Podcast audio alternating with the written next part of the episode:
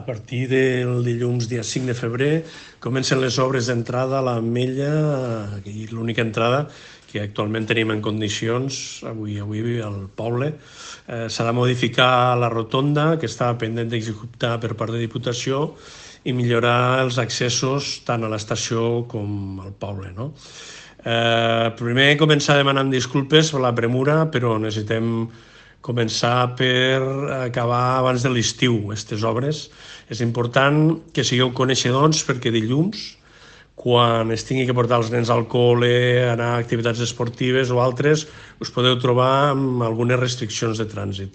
Eh, quedarà una sola entrada i una sola sortida pel poble i eh, ens tindrem que acostumar eh, durant una temporada a aquesta situació.